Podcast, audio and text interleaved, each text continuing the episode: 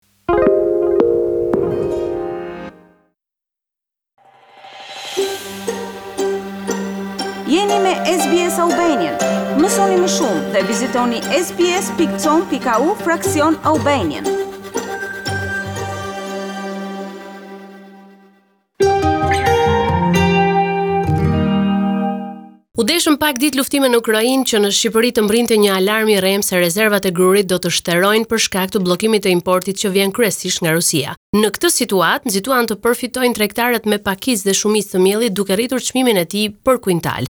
Në harkun e 10 ditëve një thes miell është shitur 40% më shtrenjtë tek qytetarët, të cilët nxituan të blejnë sa më shumë. Monitorimi është kryer në të paktën 17 bashki ku tregtarët miellin e blenë lirë dhe e shitën shtrenjtë. Drejt një abuzimi të mundshëm po shkojnë edhe furrat e bukës të cilat po bëjnë thirrje për rritje të çmimeve. Shqipëria sipas ekspertëve po rrezikon të mbetet pa grurë ndaj ka thirrje për konsumatorët. Në këtë tymnaj të krijuar nga tregtarët e miellit, ekspertët kërkojnë që Ministria e Ekonomisë dhe Autoriteti i Konkurrencës të nisin hetimet për monopolizimin e tregut.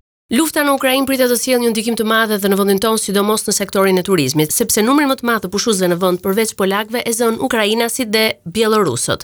Sipas kreut të Unionit Turistik Shqiptar, ende nuk ka të dhëna të sakta për prenotimet sepse zakonisht ato mbyllen në fund të marsit, por sipas tij ka informacione jo të sakta që ka pasur rezervime të konsiderueshme dhe janë automatikisht të anulluara sepse janë marrëdhënie midis qytetarit atje dhe agjencisë që shet paketën e Shqipërisë, e cila do të zgjidhet në një moment të qetësimit të situatës. Sipas kreut të Unionit Turistik Shqiptar, ende nuk ka të dhëna të sakta për prenotimet, sepse zakonisht ato mbyllen në fund të marsit. Golemi dhe Durrësi janë zonat që preferohen më shumë nga pushuesit ukrainas, kjo edhe për shkak se hotelet kanë më shumë mundësi akomodimi, por vitet e fundit ka një shtrirje edhe në zonën e Vlorës dhe Sarandës. Pas gati dy vitesh, Komiteti Teknik i Ekspertëve në vend vendosi të heqë plotësisht kufizimin e lëvizjes së qytetarëve, ndërsa la në fuqi masa të tjera për përdorimin e maskës në ambiente të mbyllura dhe grumbullimet në masën tridhjetë për qind. Sipas drejtueses së Komitetit Teknik të Ekspertëve, Rakacolli, është hequr ora policore, por ndryshimi do të shkojë në përputhje me situatën epidemiologjike. Mbetet në fuqi masa për grumbullimin në masën tridhjetë për qind, vaksinimi në popullatë do të nisë nga mosha dymbëdhjetë vjeç. Sipas Rakacollit, vaksinimi do të jetë për të gjithë fëmijët, jo vetëm për ata me sëmundje kronike.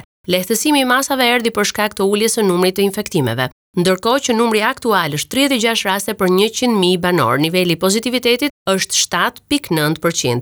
Edhe shtrimet në spital kanë pësuar ulje, por 70% e rasteve që janë shtruar tek spitali infektiv janë forma të rënda, për këtë arsye ekspertët rekomandojnë që të vijohet vaksinimi në popullatë për të arritur mbulesën vaksinale. Vota për kandidatët e Shtëpisë së Lirisë për ish-kryeministrin Berisha është hapje e rrugës për zgjedhjet e parakohshme.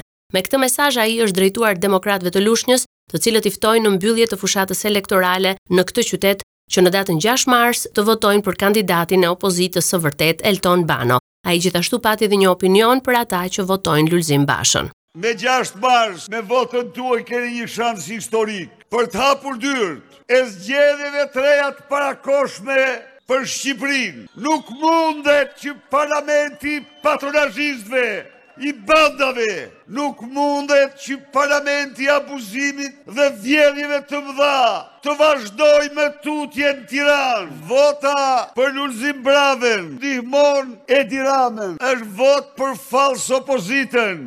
Për njeriun që ka hyrë në historinë politike të këtij vendi, Nuk po them i pabesë, por si humbës! Berisha gjithashtu i ftoi durrsakët që me votën e tyre të ndalojnë grabitjen e pronave që sipas tij po bëhet përmes projektit të portit të jahteve. Kandidaten socialiste e akuzoi të përfshirë në aferën e inceneratorëve dhe atë të tërmetit, ndërsa Luan Hotin që garon për PD-në, monopolist. Berisha ftoi durrsakët që në zgjedhjet e së dielës të votojnë për të rikthyer bashkinë qytetarëve. Kriza Rusi-Ukrainë mund të sjellë një efekt zinxhir në ekonomitë botërore, edhe nga kjo preket edhe vendi ynë me rritjen e çmimeve. Në këtë situatë, kreu demokrat Lulzim Basha i propozon qeverisë që të marrë masa për të kompensuar dhe lehtësuar financiarisht shqiptarët. Sipas Lulzim Bashës, qeveria duhet të ulë TVSH-në për çmimet e shportës edhe të heqë taksën e karburantit. Qeveria duhet të ketë gati një plan masash që të mundësojë sigurimin e rezervave të mjaftueshme ushqimore si dhe të përcaktojë mënyrat për të ardhur në ndihmë familjeve në nevojë. Për të kompensuar dhe lehtësuar familjet shqiptare në këto kushte, Qeveria duhet të rimarrë në shqyrtim dy masa të propozuara nga Partia Demokratike, uljen e TVSH-së për ushqimet e shportës nga njëzet në gjashtë për qind dhe heqjen e menjëhershme të taksës Rama mbi karburantin prej dyqind e dyzet lekësh për litër, propozoi Basha në fjalën e tij. Raportoi nga Tirana për Radio SBS Gerta Heta.